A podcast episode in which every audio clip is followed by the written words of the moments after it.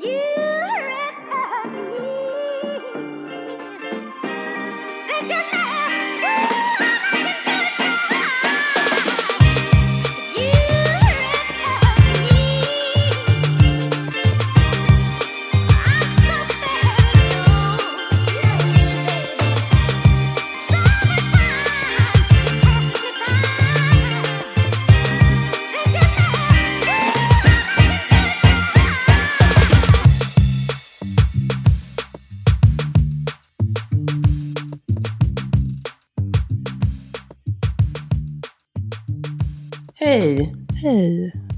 Hej hörni som lyssnar. Ni lyssnar på Okrystat. Det är jag som är Asabia och den andra rösten är Pocqua. välkomna. Jag pratar så här lugnt hela Mm, jag, vet tiden. inte, jag känner mig lite, jag är lite under the weather. Jag känner att jag inte är helt med i matchen, men det blir jättebra. Jag, har, jag kanske är lite hes. Jag har inte li- lika gäll röst som jag brukar, så det är missvisande. Det är väldigt synd. Hur mår du på? Jo, jag mår bra, men blir orolig för er när alla är sjuka där hemma. Känns som att ni har varit sjuka allihopa nästan. Och så pratade jag med pappa en kort stund och han hade ont i höften. Idag igen? Ja, Ja, jobbigt. Ehm, jag vet inte om du behöver vara direkt orolig, men ja, det är Men mycket det är sjukdom mycket. här hemma kan man säga. det är väldigt mycket sjukdom och det värsta är inte kul när även era barn är sjuka. Nej, Man mina barn är friska nu i alla fall. Ja, jag märkte verkligen det igår kan man säga. Ja, energin är Då var det tillbaka. hype mode. Ja, vi får se hur länge det varar. Det är... eh, Kul, du kan svänga så jävla fort. Ja. Man är liksom komatillstånd dag ett. Nej, och sen verkligen. bara on fire. Sen dagen efter. Det är så roligt. Så här, mm, de kommer ju inte heller ihåg det där som var dagen innan. Uh, vet du det? Nej, nej, nej, Lalo, min fyraåring, han var hade hög feber och sov alltså från, liksom gick och la sig vanlig tid vid sju, halv åtta och så vaknade han inte förrän han blev, jag väckte honom då vid halv fem, alltså på eftermiddagen, dagen efter. Och då väckte jag honom för att jag blev lite orolig att han inte hade druckit någonting. Alltså jag försökte väcka honom lite innan men det gick inte liksom. Han bara, jag vill bara sova, jag vill bara sova. Ehm, och det tyckte jag var lite obehagligt. Och han ville inte äta någonting och du vet, fick verkligen tvinga i honom några sips med, med saft och sådär. Och han blev jättearg på mig. Jag höll på att tjata om det. Men... Och sen så bara dagen efter så var det bra. Som bortblåst. Ja, Mm. det är ett barns immunförsvar. Mm. Det är liksom, känns som att det går in hårt och sen går det ut lika fort. Ja, häftigt. Om man har tur. Om man har tur, verkligen. Men då blir man så glad när, när han är sådär lethargic. Det enda man vill bara, jag, nu vill jag ha eh, min vanliga Lalo. Jag vill prata, Men jag får verkligen, orka kan du inte tjata? Exakt, kan du inte tjata på mig om någonting? Jag hoppar runt. Häng i och, mina armar. Verkligen. Man blir så glad ändå. Jag försöker tänka på det när de håller på att springa runt här och störa mig. Att det, det, man är så glad att de är friska ändå. Så är det verkligen. Men ni mår bra eller? Vi mår bra. Vi har inte, alltså nu verkar väl Andreas, och Andreas brukar ju vara sjuk hela tiden, men han eh, verkar vara förkyld här för första gången. Mhm. Men eh, annars så, annars så är alla bra och det, ehm, vi har bara sovit väldigt dåligt. Men eh, så kan det vara. så jag är ändå vara. redo för dagen.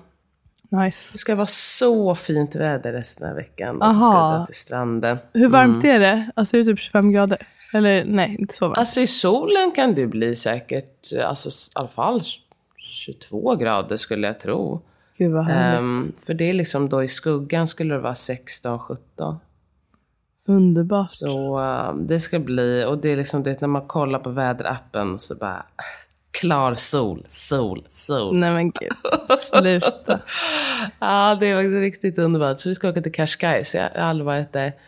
Eh, och så ska vi ja, men dra till stranden och vara nära havet. Vi saknar havet. Vi har ju bott vid havet hela tiden när vi har varit här. Mm.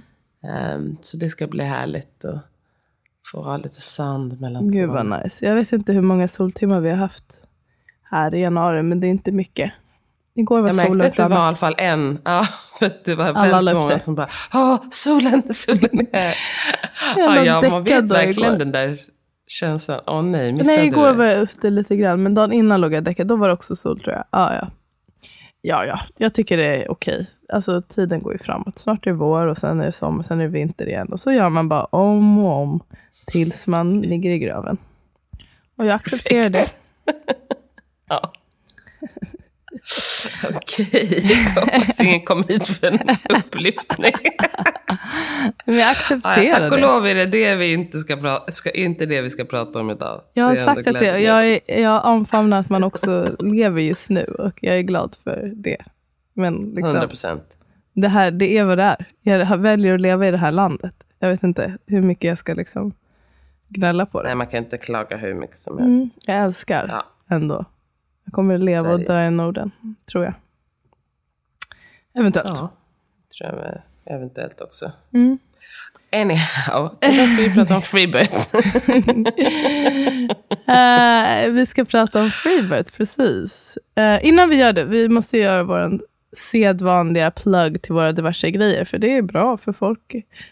Om man, om man lyssnar på allt vi gör, då kanske det kan kännas i- störigt att man tjatar om det så mycket, men Tjatigt. Mm. det är ändå så att eh, det kommer in nya som inte känner till att vi har till exempel en kurs, en förlossnings och postpartumförberedande kurs ehm, som man kan hitta på hypnokurs.se. Det är en webbkurs ehm, på ungefär, jag tror det är fyra timmar, allt som allt, om man lyssnar på allting i one go. Men det är uppdelat i eh, flera kortare kapitel och avsnitt som man kan ehm, liksom, man kan ju lyssna på allt i sin helhet en gång om man vill, eller på de delar som känns relevanta för en.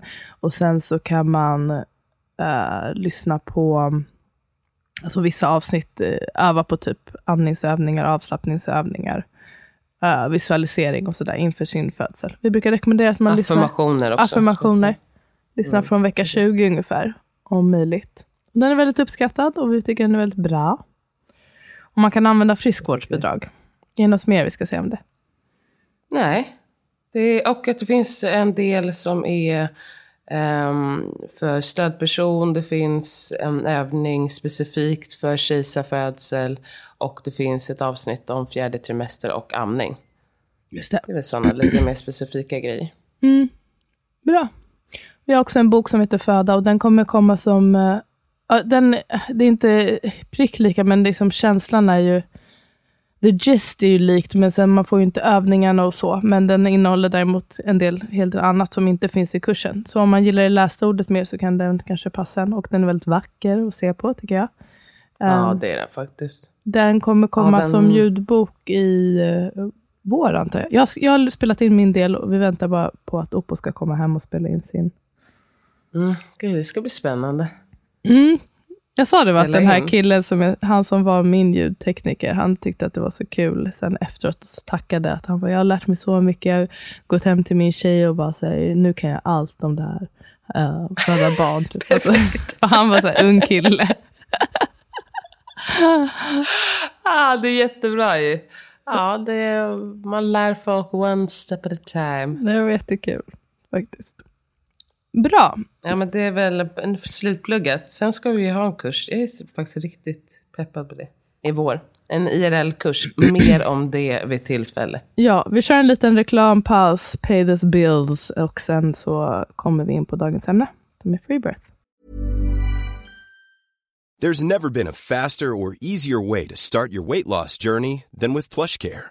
PlushCare accepts most insurance plans and gives you online access to board-certified physicians who can prescribe FDA-approved weight loss medications like Wigovi and Zepbound for those who qualify.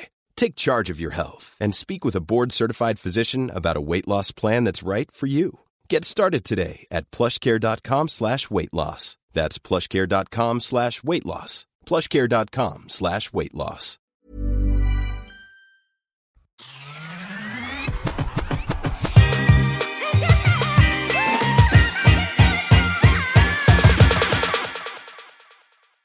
Ja, men idag ska vi snacka om freebirth. Och det eh, är väl delvis, alltså det kan man ju prata om när som helst. Men det var en ganska uppmärksammad DN-artikel om vad de kallade fenomenet och de kallade väl även en trend, om jag minns rätt. Uh, ärligt talat så läste jag inte hela den artikeln, men jag kan bara. Okej, Förmoda. jag läste den Mm. och jag läste också någon snubbe som hade skrivit i Kultursidan, var det en debattartikel? Men det var typ om um, mer den här tjejen som, hade, som de hade som exempel, som hade då radikaliserats i ett, um, ja men någon Facebookgrupp för Freebirth. Uh, så ja, det var väl tydligt i alla fall. Och hade det hänt eh, något med den där tjejen då eller? Ja, barnet hade ju avlidit. Ja, Hon den här hade ju gått England. fem veckor Ja, över det är tiden. en, när jag, jag bara sökte snabbt på Freebirth, för jag ville se vad det kom upp. Då kom ju den artikeln upp. Um, alltså det skräckexemplet och sen lite andra sådär eh, liknande exempel med det här fenomenet och trenden och eh, farorna och så. Om det. Ja, det, var inget, det var inte lätt att hitta någonting som var neutralt. För jag försökte Mm. läsa, för jag, jag hittade ju också, vad heter det här, Freebirth Society. Society, ja. Och det är ju inte heller neutralt. Kan Nej, knappast. Nej. Ehm, så det var ju liksom inget så här, uh, absolut in, ingen hade någon statistik. Ehm, ingen hade bara så här, uh, eller jag hittade i och för sig någon australiensisk sida som var väl det närmsta jag kom. Och då var det väl lite så här, ja så här, eh, så här kan det se ut och det här är riskerna. Eh, det Så här kan du göra ingenting så om säkert som möjligt om du nu Ja, väljer det. precis. Typ. Ja. Men ingenting om fördelarna. Ehm, och om det ska vara neutralt så ska man väl ha lite av varje. Eller åtminstone nämna Två att perspektiv. det i skulle kunna finnas, ja exakt, en fördel. Mm. Ehm, men det var liksom typ det enda jag kunde hitta. Men det som sporrade den här, det- den här, vad ska man säga, debatten eller det, det här samtalsämnet har kommer ju upp lite titt som tätt. Det kan gå lite hand i hand med, precis som med hemfödsel, att det skrevs ganska mycket om där ett tag. Ehm, och uh, free birth är- ju ännu mer sensationaliserat än uh, hemfödsel med, med barnmorska. Men det kom nu ur att uh, Yoga Girl, Rachel, nu kommer jag tyvärr inte Så ihåg var henne. det Bro- Brotén. Brotén, Yoga Girl heter hon på Instagram. Hon har ett stort Instagramkonto.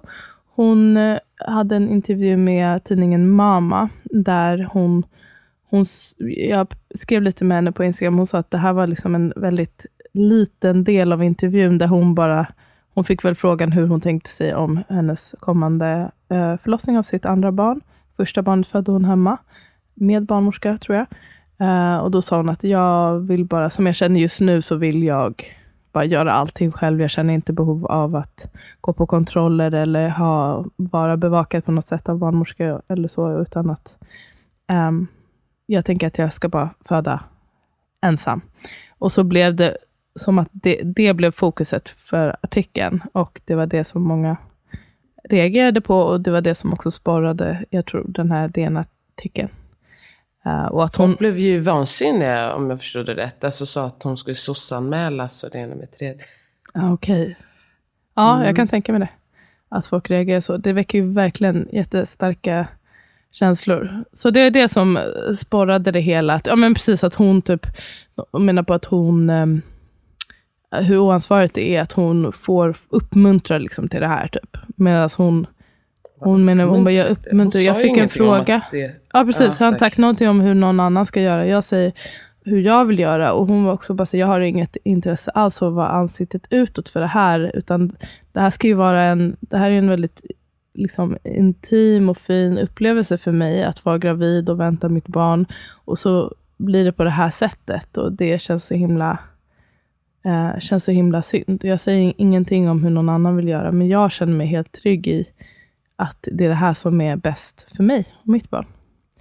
Och jag eh, liksom, um, ogillar ändå starkt att det känns som att man hela tiden ska bunt... Alltså att väldigt ofta i alla fall när man pratar om freebirth så också liksom säger, man kopplar ändå ihop det med hemfödsel. Ofta, alltså att man pratar om de två grejerna som att så här, de två grejerna är hand i hand. När det ändå inte, alltså det är inte samma sak. Eh, men ehm, jag tänker att det finns väl också likheter där med att, um, framförallt för dig, att när, du, ha- när någon har frågat dig om din ditt val av liksom vart du vill föda och hur du vill föda. Och sen så tar folk det som att så här, Alltså jag tycker att alla ska föda hemma, annars kan det bara gå och dö för att det är värdelöst. Allt annat är värdelöst. Alltså jag vet inte, man, man tar det helt ur sin kontext och bara för att man själv säger att man vill göra på ett sätt så vill folk så himla gärna tolka det som att man tycker att alla ska göra som man själv. Ja, verkligen. Och det är väl något jag behövt lära mig. Alltså, nu är jag ju mer och mer så här att jag vill inte jag tackar nej till de allra flesta intervjuer, för jag tycker också att det man säger förvrids och just sensationaliseras så himla mycket, särskilt när man pratar om de här frågorna som jag har, pratar om med, hem, med föda hem och fysiologisk födsel. De vill också prata mycket om, som du, med dig också säkert, med orgasmic birth och sådär. Och sen så vinklas det på ett så himla snedvridet sätt kan jag tycka. Och just det där med som att så här, ja men så du förespråkar hemfödsel kan jag få fråga, alltså förespråkar hemfödsel? Nej, alltså, jag, nej, det kan jag inte påstå. Alltså ja, om man Um, om man vill det och uh, det är lämpligt, då tycker jag att det kan vara ett jättebra val. Men att jag förespråkar det. Eller så konstig ja, det, fråga. Det man förespråkar är väl att fler, att fler alternativ ska finnas. Att man ska lyssna på den som ska föda. Det är väl det man förespråkar. Och sen om den personen säger att den vill föda på sjukhus, så bra. Och om den personen säger att den vill föda hemma, ja då är det också bra. Precis, så jag, jag menar, Det är väl inte vart man föder i sig valmöjlighet och det informerade valet och sen att man ska mm. eh, guida och följa den man bistår så gott man kan, liksom, beroende på vad den önskar. Men ska vi backa bandet lite och vara de som inte ens vet vad vi snackar om. Vad är ens freebirth? Vad är definitionen av det? Kanske någon som inte vet, eller har hört talas om termen, kommer jag på. Eller hur? Så kan det ju vara. Det, är väl, alltså jag tycker att eh, det som jag vet i alla fall om freebirth, det är väl att eller så här, någon typ av standardgrej är väl att man föder utan vårdpersonal framför allt. Ja, man precis. kan ju ha andra människor i närheten, alltså sin familj. Eh, även med en dola så anses det ju vara free birth. Alltså det är bara att man inte har vårdpersonal på plats. Jag vet inte hur skulle det vara om man hade en sjuksköterska i och för sig. Det kanske ja. skulle det räknas som birth. Men det ska väl vara att man, framförallt att man har inte en barnmorska eller obstetriker. Precis. Det finns väl inte, Nej, jag vet inte vad, vad det skulle kallas om man hade en, jag vet inte om man har, man, vad ska man ha där? En eh, patolog eller en psykiatriker på plats. kanske inte så. Men om Nej, psykiatriker, bara... då är det fan, då är det ingenting. Så, eh, men precis, barnmorska eller obstetriker, det är väl grunden. Man brukar säga att man föder oassisterat, ja. men eh, jag skulle tro att många definierar också, som du säger, att även om man har med sig sin familj eller ens vän eller partner eller så, att det också räknas som freebirth för att man inte har medical professionals där. Ja, det är också där. jätteassist, alltså jag menar de är jättestor. Alltså de kan ju assistera jättemycket. Mm. I och för sig, Även folk som inte är medicinska. När man ringer ambulansen, det är ju också sjuksköterskor. Um, då, då räknar man det väl inte som oassisterat, så det är kanske bara vårdpersonal. Ja, men grunden i alla fall, att man men, inte uh, har ambitionen att uh, bli stöttad av vården, så att säga. Sen så, jag tror inte, jag skulle inte definiera freebirth som um, de som föder oplanerat oassisterat, alltså de som inte hinner ja. in till sjukhus, för det är ju lite något annat. Då har man inte, uh, det, det, skulle jag snarare säga till en oplanerad oplanerad hemfödsel eller oplanerat oassisterad födsel. För viljan har, jag tänker att viljan är en stor del i att det just är free, eh, känslan Exakt. av att man är fri. Och det är ju ett, liksom, ett val man har tagit liksom, och, och, en önskan man har. Jag tycker att det är ju ändå en ganska stor del av det hela. Det är inte liksom folk som bara, ah fuck it. Alltså så brukar det väl inte vara, i min uppfattning i alla fall. Utan det här är folk som har tänkt till och eh, liksom, det finns anledningar till varför de har tagit det här beslutet att föda utan vårdpersonal. Ja, precis. Oftast är det ju, skulle jag säga att det är väldigt, jag vet inte om jag ska säga att det är välgrundade, för det kan ju vara baserat på um, rädsla och så också, som kanske inte alltid är helt rationellt, men däremot att det är någonting, ett genomtänkt beslut som jag tror de allra flesta inte gör lättvindigt. Sen kan man ju inte tala för alla. Men eh, eh för de flesta så är det någonting som man verkligen har tänkt till kring. Jag tänkte bara säga, jag vet att vi nämnde det här i någon annan podd, att um, en lite så här halv freebirth har jag också sett på Instagram, när någon, de vill vara själva i rummet, de vill kunna vara själva så gott det går, men har valt att ha en barnmorska i lägenheten, fast liksom i ett annat rum. Att typ ropa på om man behöver, men inte nära en. Ja. Typ som du hade, I guess. Fast du, hon kom ju in då och då i och för sig och undersökte och sånt. Men att man, eh, ja, att man hon kan undersökte bara en gång och det var precis när hon kom. Mm. Ja, Annars precis. så... eh, jag såg ju inte Ann förrän eh, efter att han var född. Mm. Och då var jag ju bara så här, Ann, vart är du? Ja, just det. Precis. det var Det var ganska bra. bra. Ja, precis. Jag hade klarat alltihopa. Men sen så fort man, Men det var moderkakegrejen, då blev det mycket med, också, också med, Ah, kring honom. eller- Men det är ju en, en stor del av födseln och det, det är också där mycket av skon klämmer med, från kritikernas håll, tror jag. Att just eh, alltså barnets mående, om inget annat Ja. efter födseln. Ehm, Jättekul och jag bara helt tappade allt. Nej men det här kan jag inte alls vara. Kom och hjälp mig. ah, ah, det var lite... ah, jag märkte verkligen behö- behövde bli hållen. Så Ja. var det helt enkelt. Jag Ja. behövde bli hållen. Det behövde du verkligen. Det är kul hur man blir. Bara från det ena till Man är så himla öppen, men också bara så här 100% lita på sin instinkt. Och sen bara, nej jag har Tappa inga instinkter, för fan snälla rädda mig. Det är verkligen liksom när de här hormonerna ändras. Liksom, det var ju verkligen så fort han hade kommit ut, hålla i honom lite, vara lättad. Och Men så att någon nej, lampan, du har varit i Ja, ditt så här mörker, så var någon tänder lampan och bara, vad fan är vad gör vi här?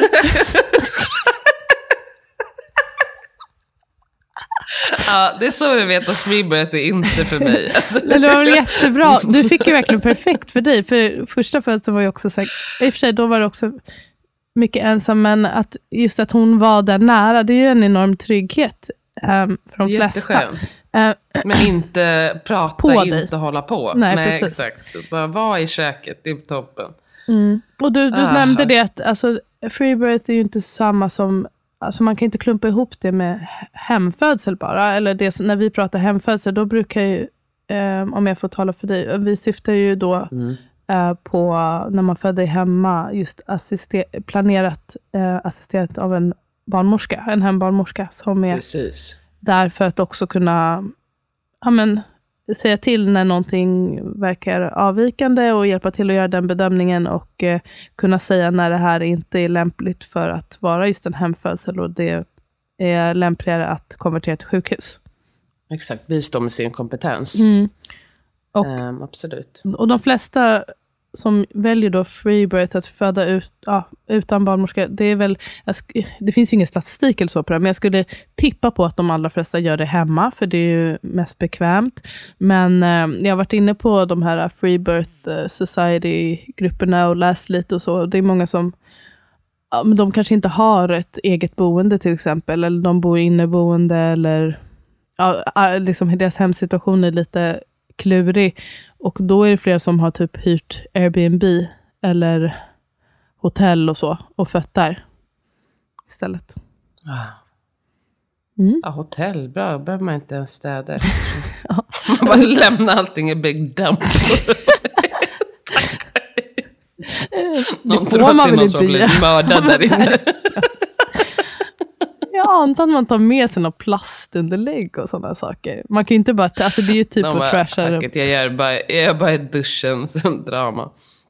Ja, nej men jag är bara, vad vet man inte vad folk gör. Vad vet man? Man Men kan ja, göra lite som- fall- Eller typ vara ute, alltså folk går gå ut i skogen. Eller, du har säkert sett den där videon, hon som födde i, uh, i vågorna där. Ja, jag har sett någon som födde i våg. Men då gick det ganska fort, eller hur? Jag vet inte, då, oftast de här filmerna ser man ju bara slutet, liksom, när framfödandet. Ja, men det. Ja, och, men jag har sett någon som var vid... Det såg i och för sig... Det var inte för mig, men det såg ut som en liksom bäck. någonstans.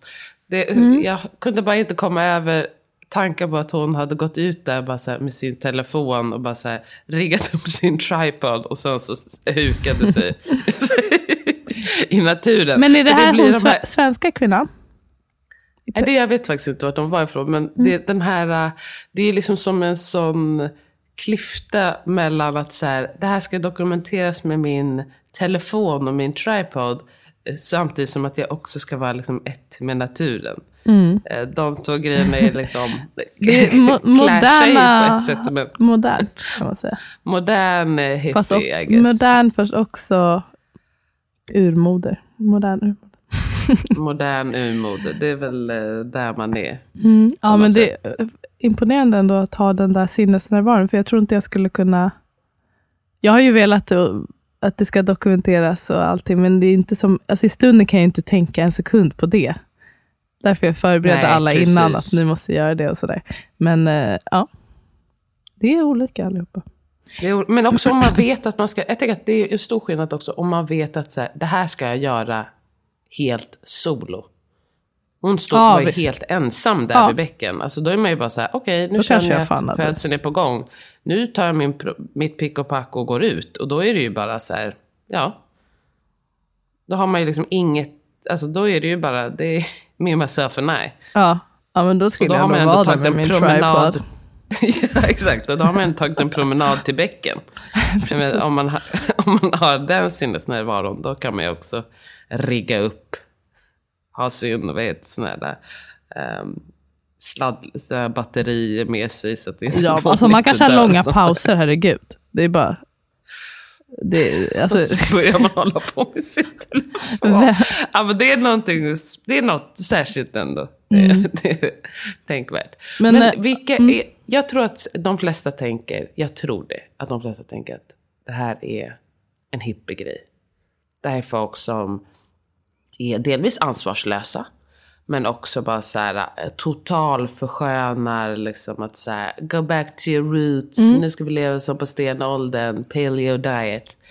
Uh, men uh, kan inte du berätta lite mer om vad, vad, är det egentligen? För det är obviously att det inte är bara, um, alltså, det alltså såklart säkert hippies också, men vilken typ av människa och varför väljer man freebirth? Alltså, det känns som en viktig fråga ja, för folk att förstå. Liksom. Och som med allt, alltså det, jag, jag, säger det, jag vet att du vet, men det, det är såklart olika för alla. Eh, det är olika och eh, det är såklart, det finns säkert de, att det för, förskönas och idealiseras. Eh, men jag skulle men 100% säga... 100% finns när, det det, som med så mycket annat. Mm, men det finns inte mycket studier om det, men när man har gjort lite intervjustudier också, min uppfattning när jag har pratat med kvinnor som har valt eller vill ha free breath, så kan dels som sagt att um, jag skulle säga att det oftast nästan alltid är ett väldigt medvetet och väl liksom researchat val som inte görs lättvindigt, utan det görs just med såklart med sig själv och sitt barn i åtanke, att man tänker att det här är uh, det bästa för en. Det handlar ofta om en vilja av att liksom vilja ha kontroll, uh, kunna styra själv. Um, att man kan ju också skilja mellan de som kanske känner sig nästan tvingade till free births för att de önskar just en hemfödsel, men de mm. har inte möjlighet på grund av antingen ekonomiska skäl eller oftast då tillgänglighet att kunna ha en hembarnmorska med sig och att hemfödselgrejen, att inte behöva vara på sjukhus, är så pass viktig att man då väljer att ah, men då, då gör jag det hemma ensam, eller med mina närstående istället. Och Sen så finns det ju de mm. som bara känner starkt inom sig att jag, jag känner mig allra tryggast med att göra det här utan eh, helt själv eller utan vårdpersonal, för jag vill inte bli störd. Man kan ha en väldigt stark integritet. Man vill verkligen kunna göra sina e-, liksom, egna val det kan också finnas en viss uh, bristande tillit till sjukvården där. Kanske tidigare trauman, tidigare jobbiga upplevelser av att vara på sjukhus. Um, det kan vara, handla om rädsla. Det som att det är väl ganska vanligt i alla fall. För jag läste, det fanns ju någon, någon sån där, alltså man hade frågat brittiska kvinnor, de, man hade frågat ganska många, 4400 eller någonting och då var det 4 procent tror jag som kunde tänka sig, eller ja, kunde verkligen tänka sig en uh, free birth. Och flera av dem hade just det att man hade en Misstro. svår alltså en svår tidigare förlossning bakom sig. Mm. Och svår, alltså inte som att så här, åh, vi blev sjuka, utan min uppfattning var väl mer att man hade det svårt och det var på grund av vårdens hanterande av födseln. Mm. Um, alltså saker som säkerligen kan man tänka sig, alltså att vården kanske bara har följt sina riktlinjer, men man har fokuserat mer på riktlinjer än på personen. Mm. Och det skapar då ett trauma hos uh, ja, de här individerna. Om man inte litar på, på den institutionen, precis, det är nog jättevanligt också. Och det kan också finnas eh, för vissa rädsla för ja, men hur man ska bli behandlad på grund av uh, hur man ser ut, eller läggning eller liknande. Alltså rädsla för rasism eller diskriminering från vårdens sida. Mm. Att man kanske har varit med om jobbig upplevelse eh, på det sättet också. Men jag skulle säga som sagt att det är medvetet val om man har gjort en egen riskbedömning och eh, bedömer att sjukhuset inte är det säkraste alternativet för en. Och ja, Att man vill undvika trauman och att man har väl en stark, gemensamt är väl att man har en stark tilltro till sin egna och kroppens förmåga. Måste, jag, måste man väl ändå säga. För det, det är inte som att någon försöker, är out there och försöker riskera ens eget och ens barns liv. Utan man tänker att det här har jag, är jag kapabel att göra. Eller hur?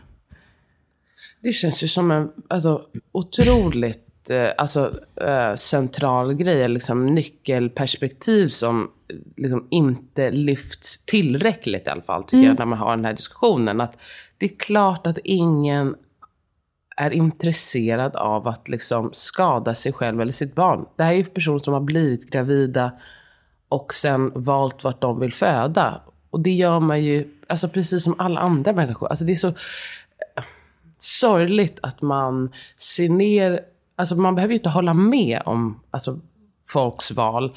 Men att tro att, liksom, att de inte skulle ha instinkter, överlevnadsinstinkter för både sig själva och sitt barn. Det blir så himla absurt på något sätt.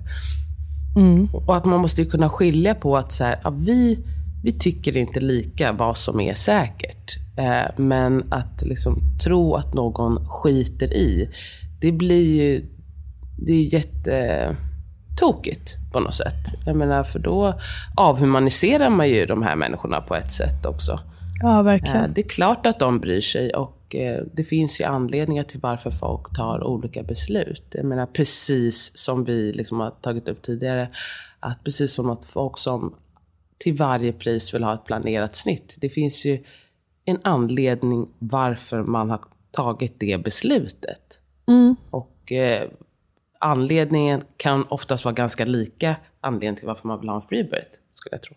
Ja, precis. Det här. Mycket kring integriteten och kontroll. Och jag tänkte, om man nu ska eh, prata med risker, för det är det som det oftast handlar om, risken med freebirth. Och det, det, ska, det ska jag väl säga att det finns Alltså att uh, vara gravid och att föda barn och att herregud, att leva på denna jord är aldrig helt riskfritt. Um, den biten kan man inte komma ifrån. Sen så kan man göra saker för att öka eller minska, um, liksom, ja, minska risken för att uh, saker ska hända. Men att ta för givet att uh, liksom den här uh, sjukhusfödseln och medikaliserade födseln är det bästa alternativet för alla, det tycker jag är lite naivt. Man måste också titta på liksom, helheten lite mer. Ha, alltså det som är den tryggaste, det som känns som den tryggaste platsen för en specifik person och det som dens intuition säger och det som um, känns bäst för dem, det är också, alltså det, det är inte att uh, förminska i att göra det, liksom, um, göra det mer eller mindre säkert. Sen så, så kan man inte komma ifrån att det kan hända saker Um, snabbt, akuta grejer kan ske, oväntade saker kan ske, där det hade varit mm. värdefullt att ha både uh, kunnig personal och uh, läkemedel och eh, redskap som en hembarnmorska,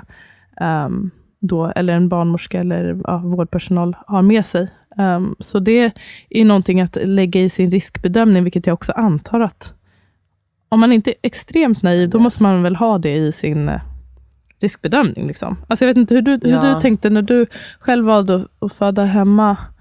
Eh, det är klart man vet att det finns jag vet inte, att det finns potentiella risker i att i vissa fall är det ju såklart bättre att vara, ha närhet till operation eller liknande. Alltså att man inte kan komma ifrån den biten.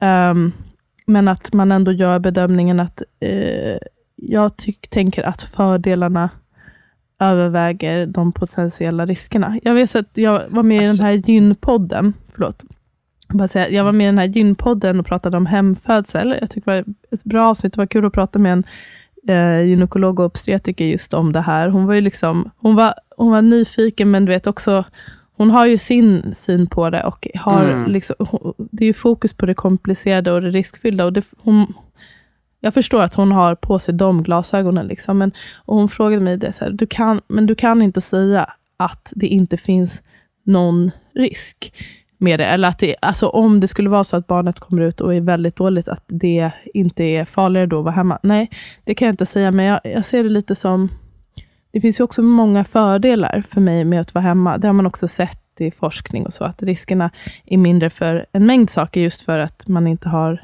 um, interventioner och att allting ska fortlöpa normalt. Och att jag jämförde det med när jag väljer att eh, sätta min bi- mitt barn och mig själv i en bil. Jag vet att det finns ju en risk här att vi krockar och vi alla dör. Den risken är inte jättestor, men det dör ändå, jag vet inte, över 200, jag tror det är typ över 200 per år i Sverige i bilolyckor och långt fler än så som skadas. Men jag väljer att göra det för att jag tänker att fördelarna eh, överväger de potentiella riskerna. Alltså det är lite samma, alltså, det är klart att det inte är helt riskfritt, men man gör en bedömning att det ändå är värt det. Ja, och jag tänker alltså, i alla fall för mig, något som jag tänkte mycket på är att det är ju många grejer som sker. De sker ju inte bara out of the blue. Mm. Och har man då delvis, om man har liksom sig själv och man litar på sina egna instinkter. Men också att man har vårdpersonal som faktiskt har tid och utrymme att inte göra någonting annat än att vara liksom närvarande för en själv. Så är det så mycket grejer som man hinner se innan det har blivit ett problem, så att säga.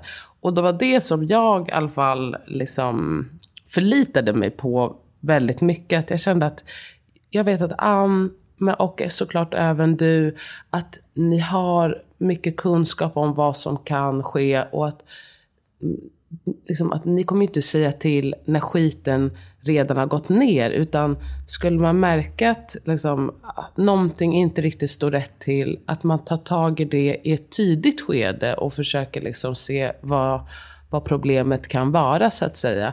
Plus att en stor grej som gör att det kanske liksom, att det blir färre risker är ju om, om jag känner mig lugn och personalen känner sig lugn och vi alla liksom har tid och utrymme att ta in det som händer. Alltså det, är en helt, en, det går ju inte att jämföra det i en situation där jag har liksom behövt konka över mig själv när jag inte riktigt vill. Personalen har också liksom två andra födande som är på gång, måste dokumentera, ska sluta sen. Alltså har massa andra grejer Inte att tänka på. dig. Det, inte känner mig. Alltså det blir något, det blir något helt annat. Liksom. Och det är klart att då är det ju inte lika lätt att se liksom, hur jag mår och vad det är som händer. Och liksom uppmärksamma saker i realtid.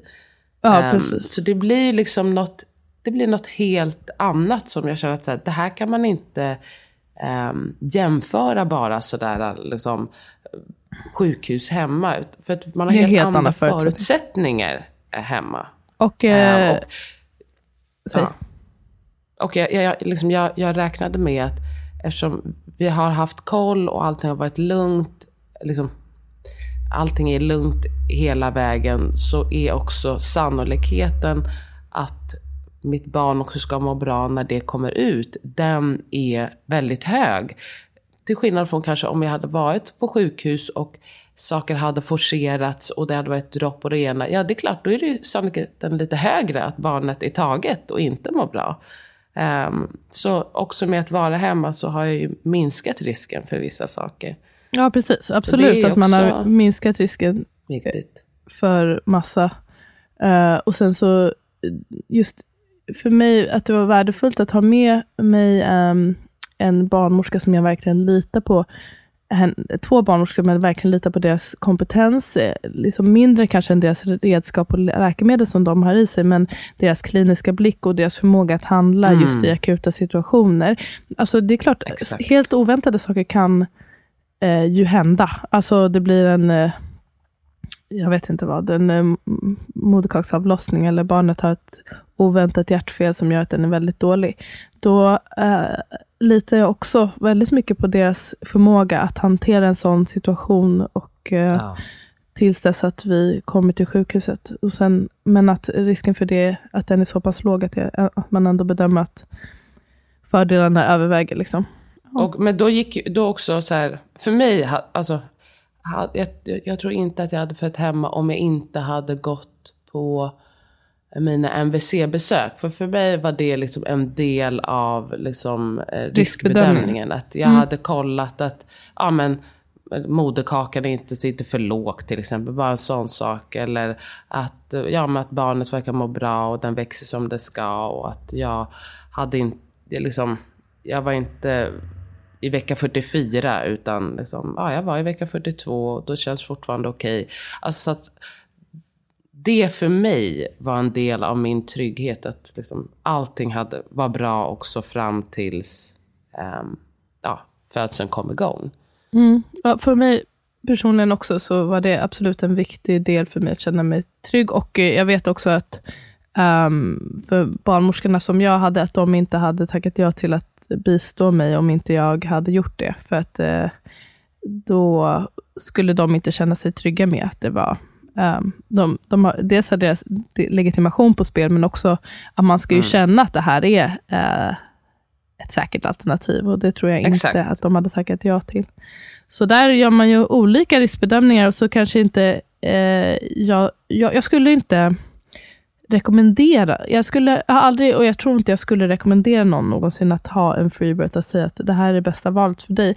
Däremot, om eh, jag upplever att någon är verkligen välinformerad och de har gjort det här valet utifrån en sann vilja och instinkt och de har bestämt sig för det. Och att det helst inte då är grundat på rädsla, för det tror jag kan vara det är inte de bästa förutsättningarna, att man grundar Nej. ett beslut om sin födsel utifrån rädsla. Och det är oavsett om det är att man väljer ett planerat uh, kejsarsnitt, eller att man väljer att uh, föda hemma, eller väljer ett free birth, eller hur, hur det nu är. Att det kan vara klokt att uh, bearbeta den där rädslan oavsett. Och sen så kanske man landar i samma val ändå. Men jag tror att det, det, kan vara en fara och lite uppbyggt för ett potentiellt trauma om man har den här grundläggande rädslan. Men att det, det är också svårt att ta ett medvetet beslut. Mm, när man liksom eh, dimmas ner av rädsla. Ja, precis. Så, men om man sen har gjort valet, då tänker jag att det är, är ens roll som barnmorska att stötta på det sätt man kan och på det sättet personen vill i det. Uh, utan att uh, nödvändigtvis um, förespråka det. Om du fattar vad jag menar. Ja, alltså att man ger information, typ. Ja, precis. Ge, ja, information typ kanske, beroende på vad personen vill, men hur man kanske kan göra det så säkert, um, så säkert som möjligt. Att man kanske gärna eh, kanske kan överväga att ha en Eh, barnmorska som man har kontakt med ifall att man behöver rådgivning. Att man kanske inte har, man vet hur lång tid det tar till närmaste sjukhus. Att det mm. inte är liksom Uh, alltså freebirth till varje pris. Det tror jag är, alltså det, det, det pratar vi också ha när man pratar hemfödsel och som jag tror båda vi poängterade uh, när vi har blivit, när vi fick frågor om vårt val att göra det. Alltså det är inte hemfödsel till varje pris, utan det är för att det känns som vi bedömer att det är ett säkert alternativ. Men man är ju redo att ändra om, om det blir lämpligt. För om det nu blir något sjukt i den här processen, att då är ju ett sjukhus ett bättre. Ett säkrare Alternativ. alternativ, Ja. precis. Ja. Och att man har liksom en, jag tror att det är superviktigt att man är väl påläst, vilket många är, men också ha lite då ehm, koll på lite så här potentiella eh, snabba vändningar som kan ske, komplikationer som kan ske, hur man kan handlägga dem på ett säkert sätt. Att ha 100 liksom, procent. Det är, alltså jag menar, om man ska ta ett in- informerat och medvetet beslut, då måste man ju också, veta, alltså, då måste man ju också ta in att så här, det kan också inte gå bra. ja, för jag tror att det blir jätte... Eller alltså, som då de tog upp i det här typen av forumen. Och jag förstår att det finns sådana här äh, forum. Det finns ju för alla möjliga grejer. Liksom, där man bara så här, vi pratar inte ens om läkemedel. Vi pratar, här håller vi saker positivt. Och det är ju absolut, stay positive. Men ehm, vi lurar oss själva om vi tror att någonting är riskfritt. Och det, det pratar vi om när vi pratar om det här brain. Alltså allting, även på sjukhus. Det finns fördelar och nackdelar med alla beslut man tar. Och det gäller såklart även freebirth och det gäller eh, epidural och det gäller ehm, vad vet jag, hemfödsel också. Det finns fördelar och det finns nackdelar. i alla fall Ehm, Och potentiella. säger någon något annat. Ja, exakt. Ja, potentiella.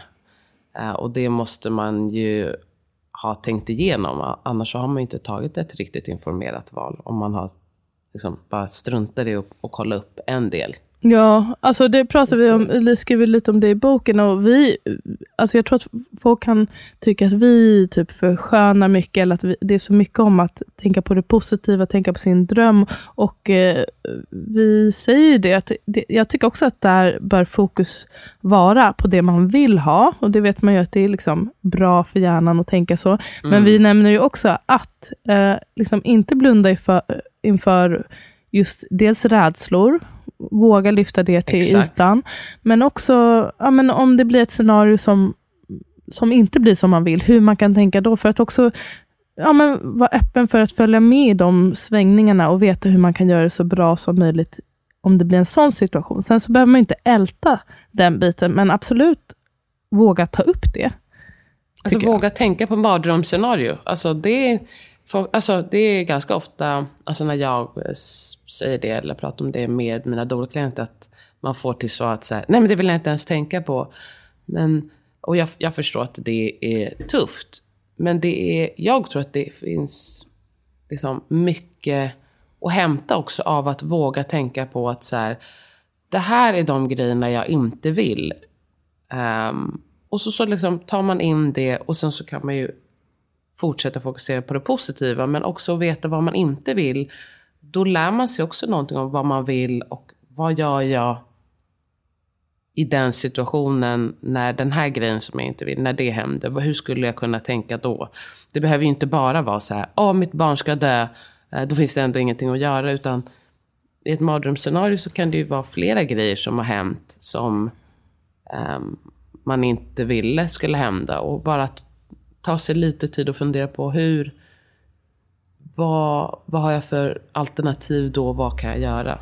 Det kan vara väldigt värdefullt. Planning for your next trip? Elevate your travel style with Quince. Quince has all the jet setting essentials you'll want for your next getaway, like European linen, premium luggage options, buttery soft Italian leather bags, and so much more. And is all priced at 50 to 80% less than similar brands.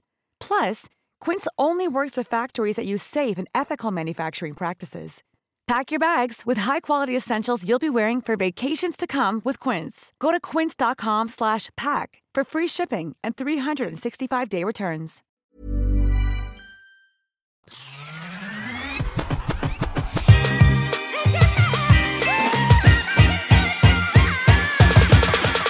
Ja, verkligen. Hur kan jag, kan, är det någonting jag kan göra för att minska Mm. risken att det här sker? Öka chansen att det blir på ett annat sätt.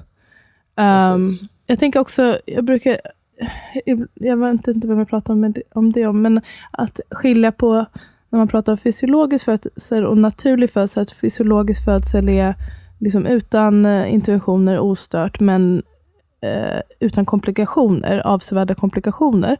Medan naturlig födsel, tänker jag i alla fall, att det bara är som utan um, läkemedel och interventioner. Men det är inte nödvändigtvis fritt från skada, sjukdom och död. För att i naturen så är det, det är en del av naturen, sjukdom, skada och död. Eh, och vi är Ja, också precis. en del av naturen. Och det är inte någonting att om, om man nu vill förespråka det naturliga, då är det viktigt också att lyfta den biten till ytan, tänker jag.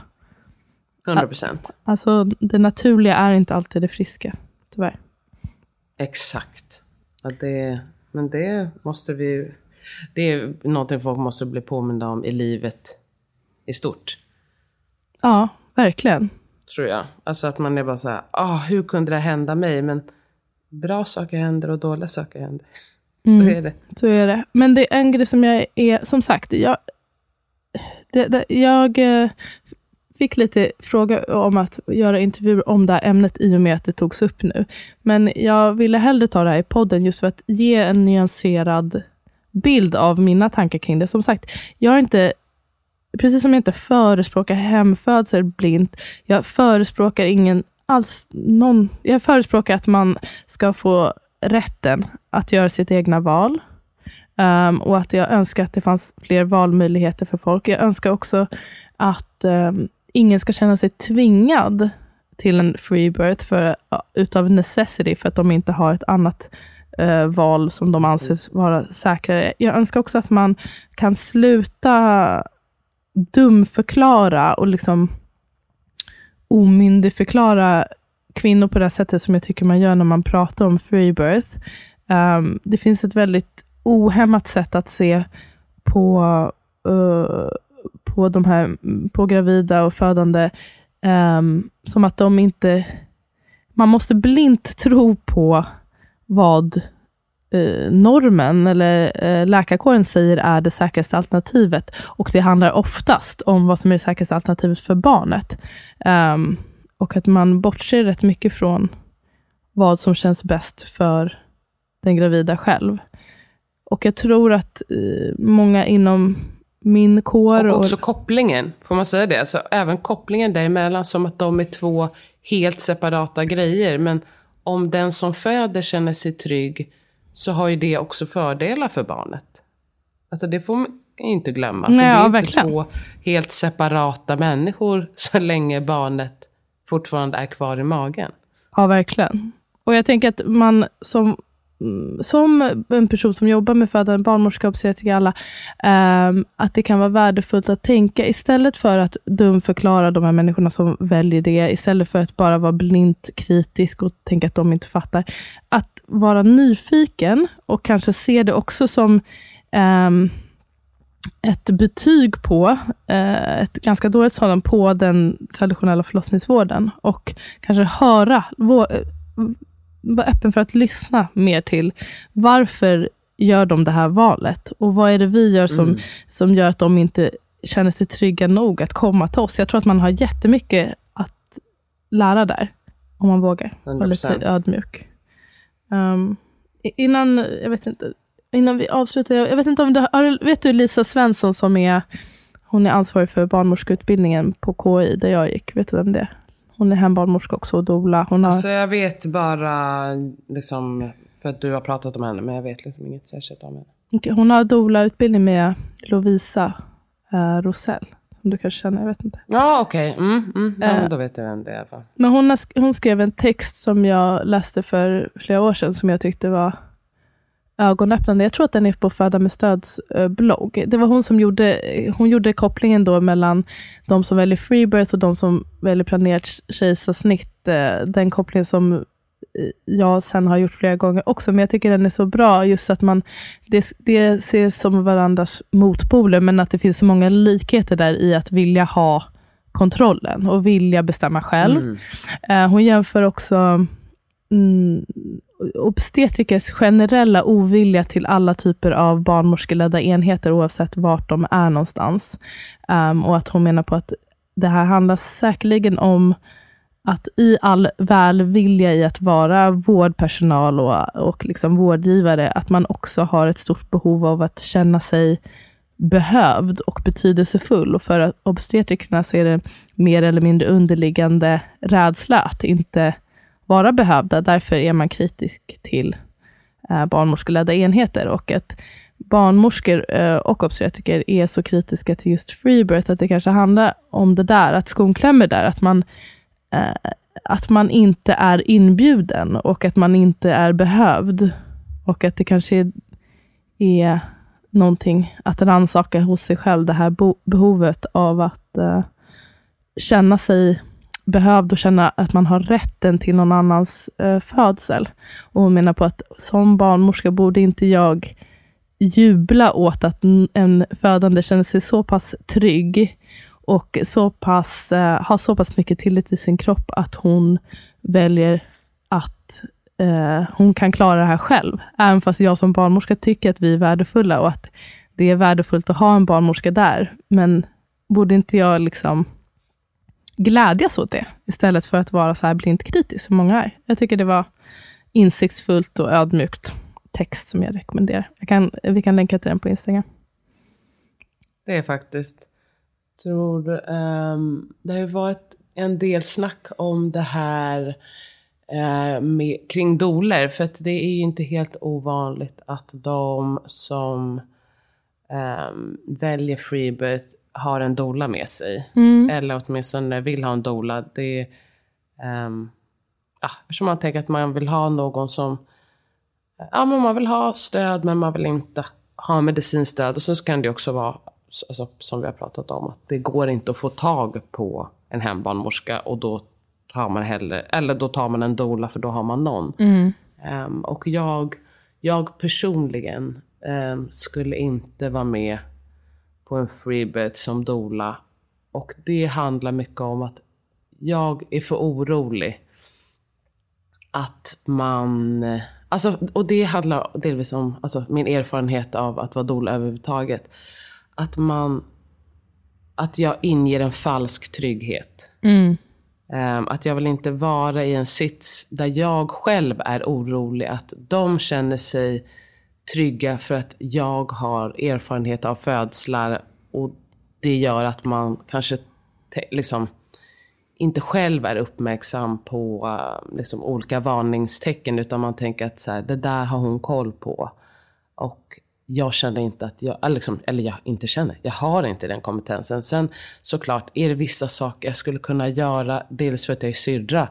Eh, eller se, absolut. Men det är inte min roll när jag är vid en födsel. Och därför skulle jag inte vara med på en freebirth i alla fall. Och jag vet att det är många um, doler med mig som känner samma sak. Att man är orolig, att man inger en falsk trygghet.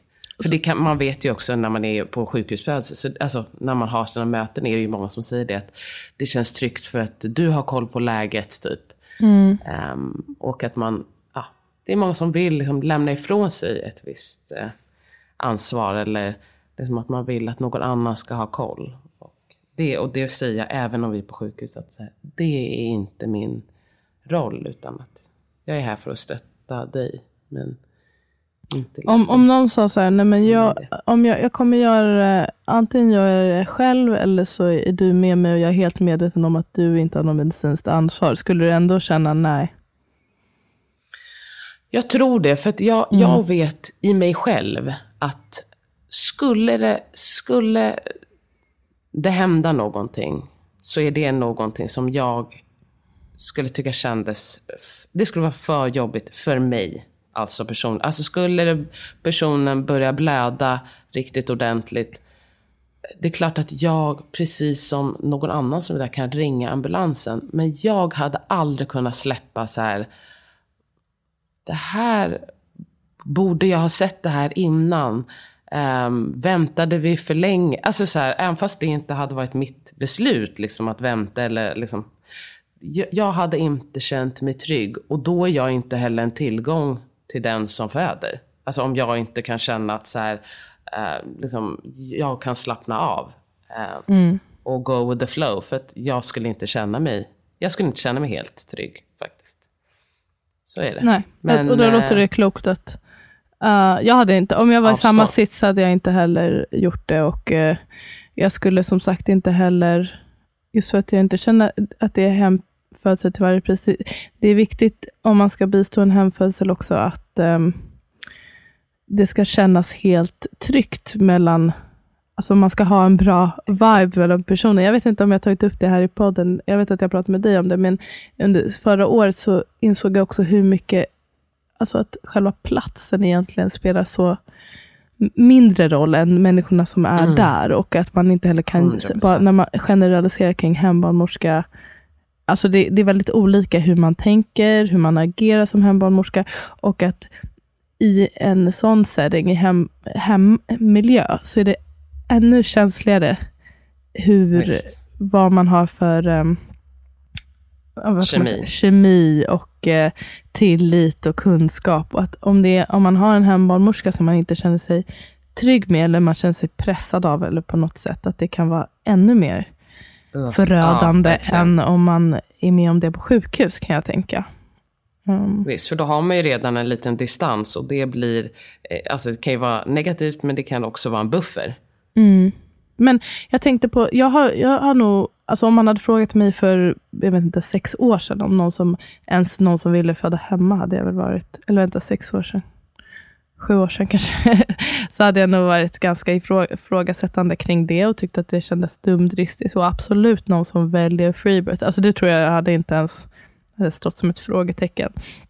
Men, eh, och jag själv, som jag känner nu i min rationella hjärna, hade jag inte heller valt det. Jag vill absolut, om jag, jag skulle gärna vilja föda hemma igen om jag har möjlighet till det, men eh, då med en barnmorska. Men jag minns eh, i, när jag väntade hos sig, eh, mitt andra barn, och jag var osäker kring om min hembarnmorska skulle hinna vara med och jag kontaktade en annan barnmorska sa, kan du vara med om inte hon hinner, för hon hade en annan hemfödsel typ samtidigt.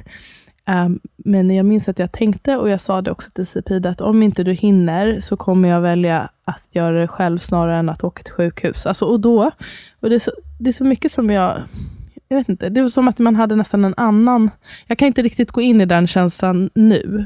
För nu Nej. tror jag, i min rationella hjärna hade jag valt att föda på sjukhus. Men jag kände det väldigt starkt då, att jag eh, behöver vara hemma och då gör jag det hellre utan eh, din Mm. hjälp. Jag vill helst att du ska vara här, men jag gör det hellre utan din hjälp. Och det var ändå värdefullt för mig att få uppleva den starka eh, instinkten och conviction som jag eh, inte alls kunde relatera till innan. Jag kände det så starkt Nej, själv. visst. Det tror jag man, ja det är klart det måste du ha lärt dig jättemycket av. Ja. Det är som att få känna in det. Har vi sagt nu allt vi vi har snackat på vill säga? riktigt. Mm. Jag tror det. Mm. Var öppna helt enkelt, det är väl det. Um, var, eh, lyssna på folk och liksom, håll inte på att judge direkt. Och det här är inte bara en trend eller, alltså jag menar, och oavsett, vet du vad? Även om det är en trend. Så ehm, folk som jobbar med födande och, och liksom, ja, vi som födare också. Alltså att eh, lyssna på de som väljer andra alternativ. Ja. Ehm, Alltså- och inte bara avfärda folk. Även om det är instrumentellt eller om, eh, om det är freebirth. Alltså att vara öppen och liksom förstå att vi vill olika och alla vill sina barn väl. Liksom i regel. Ehm, och gå in med, den, liksom med de glasögonen. Eh, istället för att sätta sig över folk. För det, jag tror att det är det man gör när man säger att så här, "Ja, du tar så himla do- alltså, du är så dum eller du är så, du skiter i ditt barn och dig själv. Då sätter man sig över någon och, och det, då kan man inte höra folk. Helt Mm. enkelt. Precis, var nyfiken.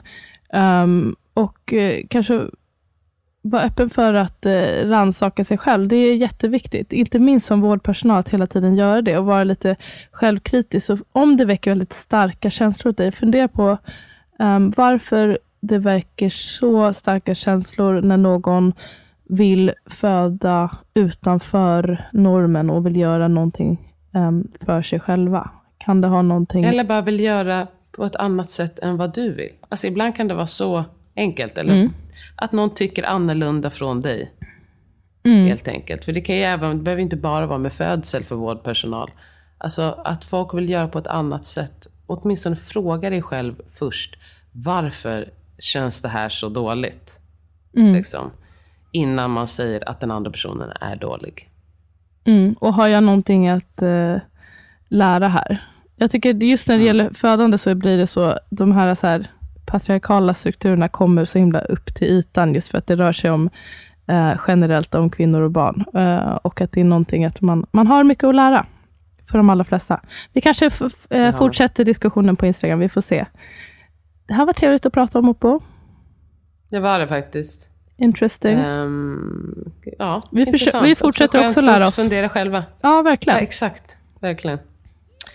Okej, eh, love you long time. Love you long time. Hej då, hörni. Puss och kram.